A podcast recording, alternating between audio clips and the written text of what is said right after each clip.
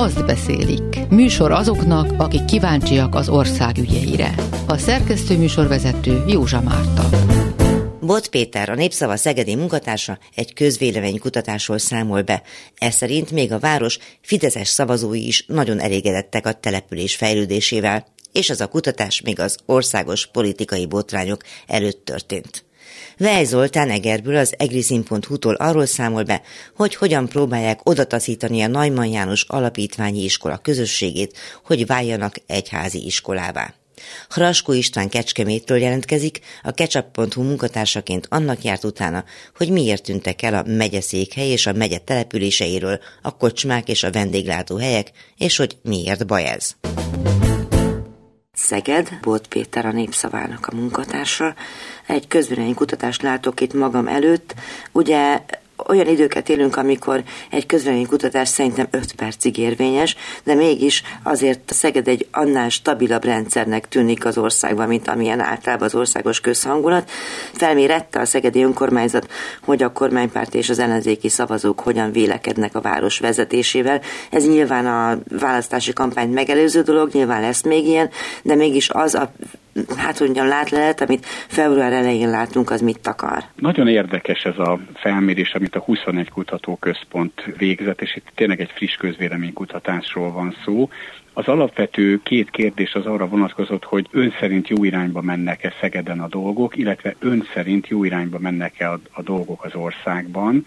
Hát két merőben különböző válasz született erre a két kérdésre, hogy Szegeden jól mennek-e, jó irányba mennek-e a dolgok, itt a városban lakók 81%-a felelt erre igennel. Ugye ez a 81 százalék, ez tényleg egy kiugróan nagyon magas érték, és hogyha ehhez még hozzászámoljuk, hogy itt ugye 10 éve, 15 éve végletekig politikai értelemben megosztott országról van szó, akkor szerintem ezt a 81 százalékot még feljebb kell értékelnünk, és a 81 százalék kapcsán ugye nyilván azt kell mondani, hogy politikai preferenciák, vagy pártpreferenciák, azok bár nyilván Szegeden az ellenzék erős, de messze nem arról van szó, hogy 81%-ban ellenzéki szavazók alkotnák ezt a várost, vagyis ugye könnyen eljuthatunk, és nem is juthatunk más következtetésre, mint hogy ő párt preferenciába nem az ellenzékkel tartó szavazók is úgy látják, hogy Szegeden alapvetően jó irányba mennek a dolgok, és ehhez még egy nagyon fontos kiegészítést szeretnék tenni, mert ha a hallgató azt gondolja, hogy az az eufória uralkodott el a városon, hogy ide jön a kínai elektromos autógyár, a BYD, és akkor itt most mindenki rózsaszínben látja a dolgokat, ki kell ábrándítsam, nem erről van szó, ugye ezek az eredmények még nem ennek a bejelentésnek a, a tükrében, fényében vagy a tudatában készültek, hanem ettől függetlenül és egyébként tényleg úgy levegőben marad a kérdés, hogy ez a 81 százalék, aki szerint jó irányba mennek a dolgok, az miért gondolja azt, hogy, hogy Szegeden jó irányba mennek a dolgok? Hát igen, meg ez a 81 százalék, ez messze-messze több, mint amit általában a régióban az ellenzéki pártokra szavaznak, vagy hát nyilván ebben egy jelentős mennyiségű fideszes szavazó is van. Van-e valami rálátás arra, vagy a kutatást végző intézetnek van ami rálátása arra, hogy hogyan oszlik meg ez a dolog? Tehát, igen, hogyha országosan igen, ide szavazunk, de, de azt gondoljuk azért, hogy itt, itt minden rendben van. Pontosan, épp ezt akartam idézni, hogy felmérés adatai számai szerint az ellenzéki szavazók 92%-a szerint jó irányba mennek a dolgok a városban, a bizonytalanokhoz sorolhatók 81%-a szerint jó irányba mennek a dolgok, a kormánypárti szavazók 68%-a szerint jó irányba mennek a dolgok, tehát én azt gondolom, hogy ezek a tehát 92, 81, 68 százalék, ezek azt jelzik, hogy alapvetően az itt élők, hogy most nagyon konyha nyelven fogalmazok, jól érzik magukat a városba, de nyilván azért érzik jól magukat a városba, mert azt érzik, hogy ez egy perspektívikus, fejlődni tudó és fejlődni képes város, és ahogy itt újságíró kollégákkal beszéltem Szegeden, és taglaltuk ennek a felmérésnek az eredményét, akkor többen azt fogalmazták meg, és hajlok arra, hogy, hogy ez, ez valahogy fedheti az igazságot, vagy nagy részt fedheti az igazságot, hogy a városi önkormányzat nem pártpolitizál, hanem egész egyszerűen ügyek mentén politizál. Nyilván ennek lehet ennyire jó visszhangja a városban. Most egy nagyon konkrét példát elmondjak. Alapvetően szerintem a tömegközlekedésnek a fenntartása, finanszírozása, egyáltalán a tömegközlekedéshez való hozzáállása az önkormányzatnak, az nagyon egyedi. Egészen konkrétan arról van szó, hogy a vidéki nagyvárosoktól az állam gyakorlatilag megvonta a tömegközlekedésnek a, az állami finanszírozását, ennek ellenére a helyi városvezetés azt mondta, hogy ennek a városnak pontosan azzal a tömegközlekedéssel, vonalhálózattal, vonalsűrűséggel, járatsűrűséggel kell közlekedni, amit annak idején találtak ki, amikor nem voltak finanszírozási gondok. Ezt most csak azért is mondom, mert ez tipikusan városi ügy, nem politikai ügy, és ennek megvan az ellenpéldája, hogy akkor, amikor a Covid miatt tényleg nagyon nehéz helyzetbe kerültek az önkormányzatok, akkor például a dúsgazdag Debrecen és a Fidesz által nagyon kistafírungozott Debrecenben egyből egy nagyon nagy visszalépés történt a tömegközlekedésben, mondván, hogy ugye ezt ebben a formában nem fogják finanszírozni, mert ez rettenetesen sokba kerül, de hát egy magyarországi vidéki nagyváros nem lehet meg tömegközlekedés nélkül. És mennyire recsenti meg a költségvetést egyébként, ez azért nagyon nagy pénz? Nem recsenti meg, mert nyilván konkrét számokat nem tudok, de az, amit biztosan tudok, hogy szabad felhasználású forrása az úgy keletkezik valamennyi önkormányzatnak, így a Szegedinek is, ami a helyi iparizési adóból befolyik. Na most Szegeden úgy növekszik ez az összeg dinamikusan, hogy ide nagy beruházás egész eddig nem érkezett. De most jön a BYD. De most jön a BYD, de elindultunk onnan, hogy 9, 10, 11 milliárd, ez most már 16-18 milliárd forintnál tart. Tehát egész egyszerűen ez a pénzügyi puffere megvan az önkormányzatnak, hogy finanszírozni tudja például a tömegközlekedést, de más mondjak, a 13. óvodát, iskolát, középiskolát újítja úgy föl uniós támogatással az önkormányzat, hogy az óvodákat leszámítva ugye a működtetésnek a jogát elvették.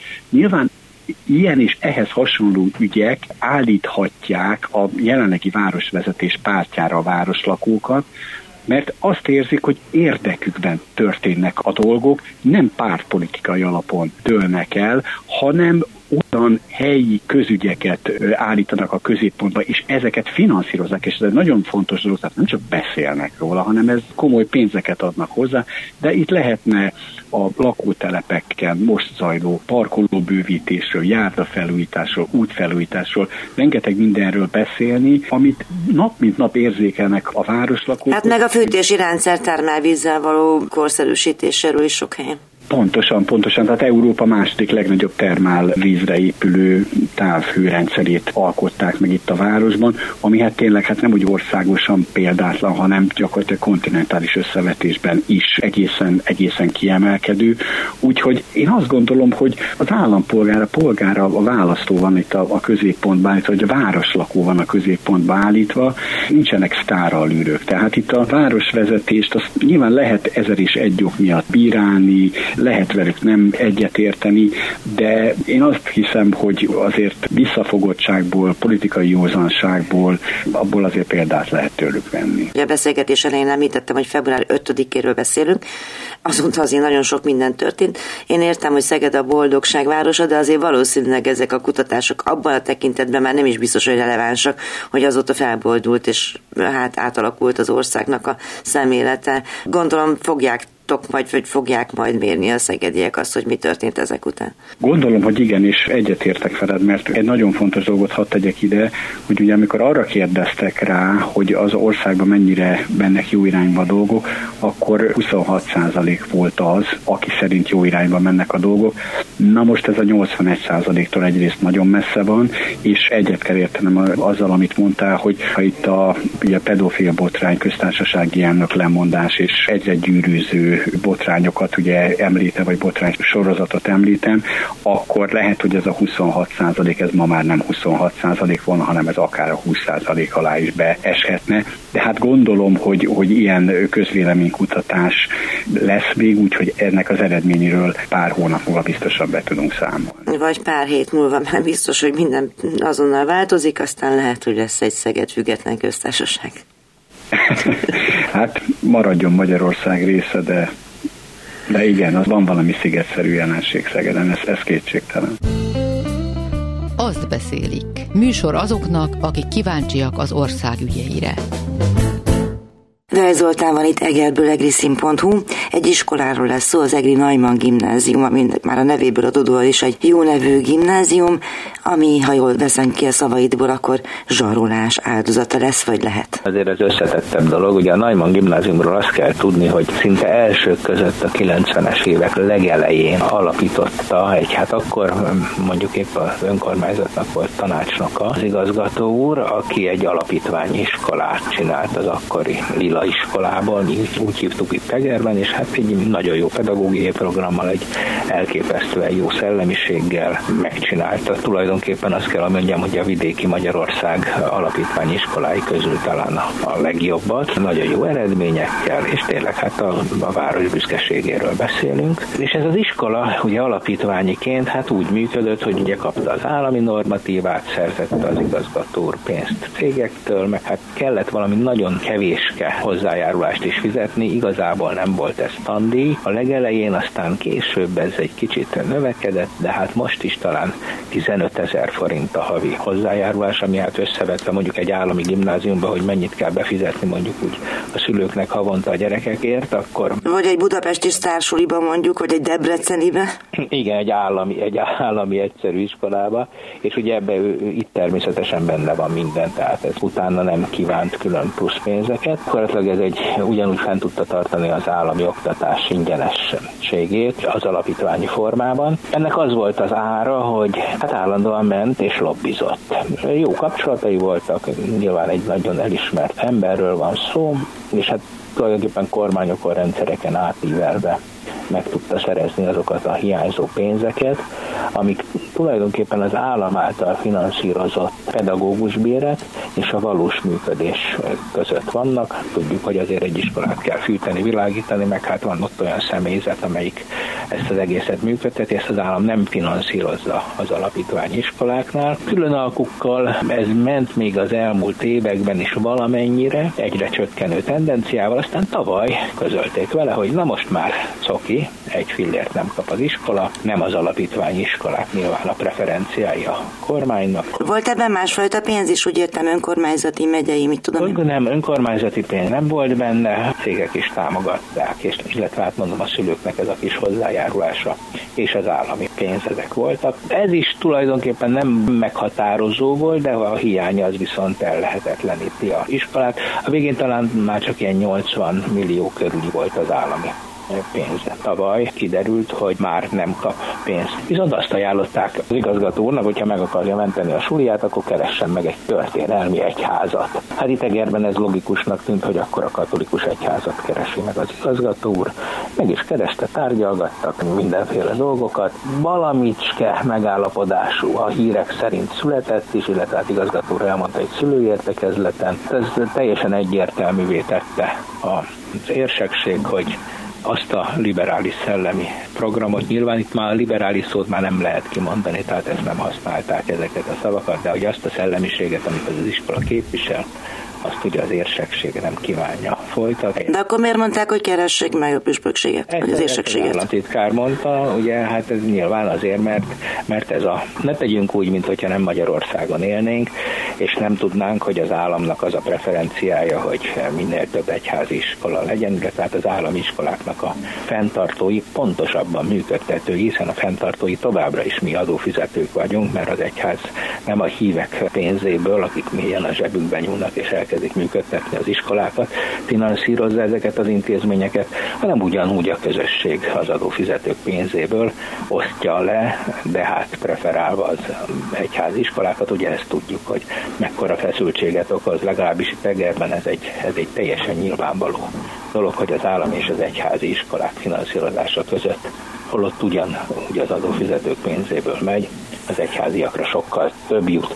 És hát ez volt az ajánlat, az állami ajánlat, futott az igazgató úr köröket, most az a helyzet, hogy most már próbálják elkerülni ezt a dolgot, tehát nem látják ezt megoldhatónak, talán 80%-os szavazati arányt kér most a felröppent hírek szerint az igazgató úr, már hogyha 80% azt szeretné, hogy legyen egyházi az iskola, akkor esetleg tovább tárgyal, de az a lényeg, hogy minthogyha egy komoly ellenállás kezdene kibontakozni a hír felröppente és a mai telefonos bejelentkezésem óta. Kiderült egy más, például az, hogy a iskola megszondáztatta a szülőket és a tanárokat is, hogy ők vajon mit szólnának ahhoz, hogy egyházi intézmény lenne ez a végül is most már patinásnak mondható viszonylag liberális gimnázium.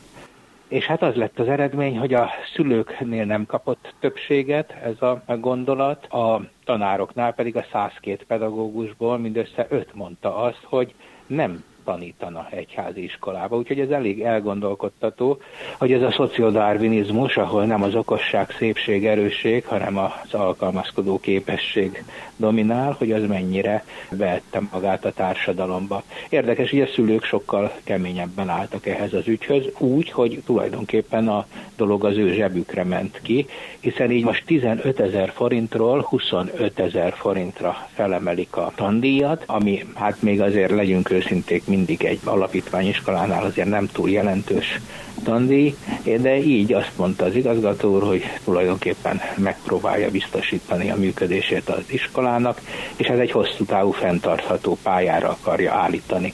Az is új fejlemény, hogy ilyen ezres nagyságrendben fogtak össze a volt diákok, őrületes támogatási hullám indult el, és szeretett hullám az iskola felé, ami hát megint egy érdekes dolog, hogyha egy nagyon jó gimnáziumról van szó, akkor úgy tűnik, hogy azonnan kikerültek is a társadalomban később jó pozícióban vannak, tehát lehet számítani az alumnikra, ugye a végzett diákokra, hogy eh, támogatni fogják az alma mátert. Azért itt az elmúlt egy hétben, vagy bő egy hétben Csomó minden történt, tehát például különböző püspökök bizonyultak lelemondó képesnek, és így tovább. Tehát, hogy szerinted az, hogy egy kicsit az egész országos politika felforrott, ez esetleg tudja árnyalni majd azoknak a tanároknak a véleményét, akik idáig csak egyetlen szisztémába tudtak gondolkozni, de most azért úgy látjuk, hogy egy picit meg hát ingott a közvélemény az hát, ügyben, hogy mi történik. Én azt gondolom, hogy, hogy ez a, valóban ez, a, ez az igazi felnőtt tartalom része ennek a történetnek,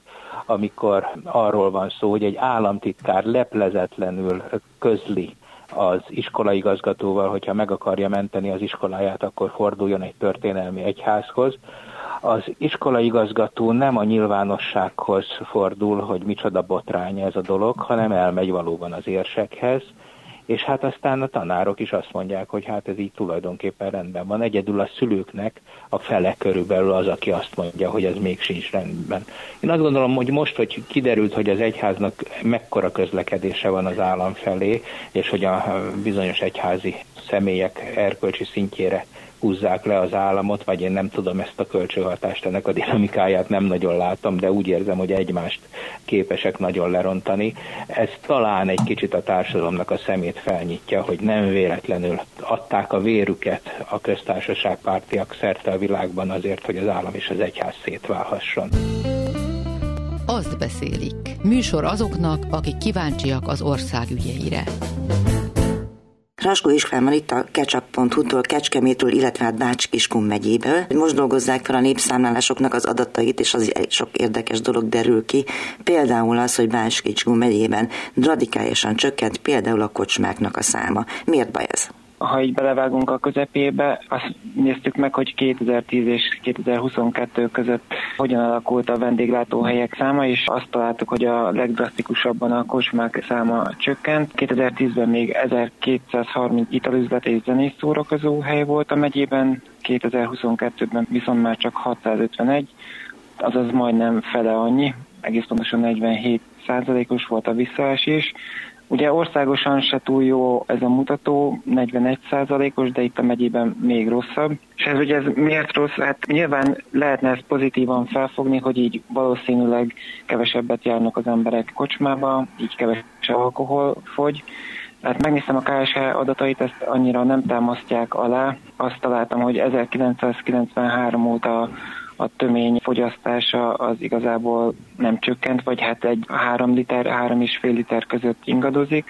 Az egyéb alkoholos italok fogyasztása egy kicsit mérséklődött, de azt nem lehet kijelenteni, hogyha kevesebb a kocsma, vagy fele annyi a kocsma, akkor fele annyi alkohol fogy. Azzal, hogy eltűnnek ezek a falusi kis kocsmák, presszók, talponálók, hát ki kell jelenteni, hogy azért ezek a kisebb községekben azért csak találkozási pontok, úgymond közösségi terek, tehát így elveszik egy olyan hely, ahol azért az emberek tudtak nem csak inni, hanem szórakozni, beszélgetni is. Hát arról nem is beszélve, hogy egy csomó más közösségi hely is eltűnt, most már a kultúrházak és bármi egyéb, ahol az emberek el tudtak menni, ez pedig valóban azt jelenti csak, hogy az emberek magányosan is otthon isznak, esetleg nem isznak, hanem valami más fogyasztanak, nem? Igen, én is azt látom, tehát azzal, hogy nem csökken igazából az elfogyasztott alkohol száma, viszont kevesebb a kocsma, kevesebb a vendég, így valószínűleg a fogyasztás az áttevődött az otthoni négy fal közé, ami nem biztos, hogy szerencsés abból a szempontból, hogy a szociális kapcsolatok azok lazulnak, és hát így végül is mindenki otthon magába nyúl a pohár után. Ami azt is jelenti persze, hogy egy kocsmában nem csak tömény pálinkát lehet inni, mondjuk lehet inni egy kávét is, tehát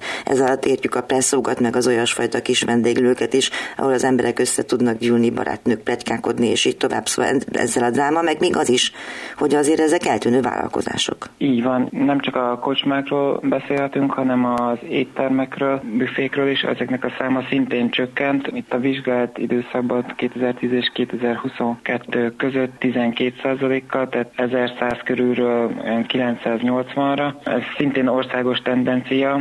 Ami még meglepő lehet, hogy a cukrázzák száma az viszont a kismértékben is, de az viszont emelkedett, ami nyilván egy pozitív dolog, de itt azért nem olyan nagy számokról beszélünk, tehát 138-ról, ha jól emlékszem, 170 fölé emelkedett a cukrázzák száma Bács-Kiskun megyében. Mi a te személyes véleményed? Nem lehet, hogy emiatt a nagy kocsma eltűnési szám mögött azért a Covid is van? Tehát, hogy sokan vagy tönkrementek a Covid alatt, értem ez alatt a kocsmákat, illetve sokan egész egyszerűen leszoktak a közösségi terekről, ez meg a közösséget jelenti. Én úgy gondolom, hogy persze ebben biztosan közre játszott a Covid is, és utána már egy kicsit nehezebben szoktak vissza a vendégek a vendéglátóhelyekre, illetve hát megváltoztak a fogyasztói szokások, talán ritkábban ülünk be egy bárba, kocsmába, étterembe. Plusz az infláció, ugye? Így van, így van. Az infláció, az, hát hogyha azt a saját példánkat veszem, egy négyfős családnak egy étterembe beülni azért hogyha szeretnénk két fogást, meg mondjuk egy desszertet enni, akkor az már egy 50 ezer forint egy átlagos étterembe, úgyhogy az nehéz azért kigazdálkodni egy családi kasszából. Az egyik étterem vezetője, egy bezárt étterem vezetője, akivel beszéltem, interjút készítettem, azt le is nyilatkozta, hogy egyre vékonyabb az a réteg, aki megteheti, hogy ilyen árak és drágaság mellett eljárjon étteremben. Akkor az a perspektíva, hogy ülünk otthon, eszük a zsíros kenyeret és isszuk az olcsó pálinkát. Reméljük, hogy azért javulni fog a helyzet. Évelején foglalkoztunk több cikkben azzal, hogy milyen mozgások voltak a kecskeméti vendéglátós piacon. Több étterem ugyanis bezárt, és kávézó is, de azért nyitottak újabbak is. De hát nyilván azért Kecskemét egy megyeszékhely jobb helyzetben van ebből a szempontból, még egy kis település hogy egy falu azért ott kisebb a vendégforgalom, tehát hogyha ott bezárod, már kisebb az esély arra, hogy nyitni fog egy újabb. Szegedről Bot Péter, a Népszava munkatársa jelentkezett, Egerből Vej Zoltán az egriszin.hu-tól, Kecskemétről Raskó Istvánt, a Ketchup.hu újságíróját hallották eheti történeteikkel. Szolgálati közleményként mondom, hogy a jövő hétre beharangozott Miskolci kitelepülésünk technikai okok miatt várat magára, de igyekszünk mi hamarabb pótolni, tehát jövő héten Miskolcon még ne várjanak bennünket. Addig is viszont itt várom jövő héten is önöket, figyelmüket köszönöm, Józsa Mártát hallották. Azt beszélik című műsorunkat hallották.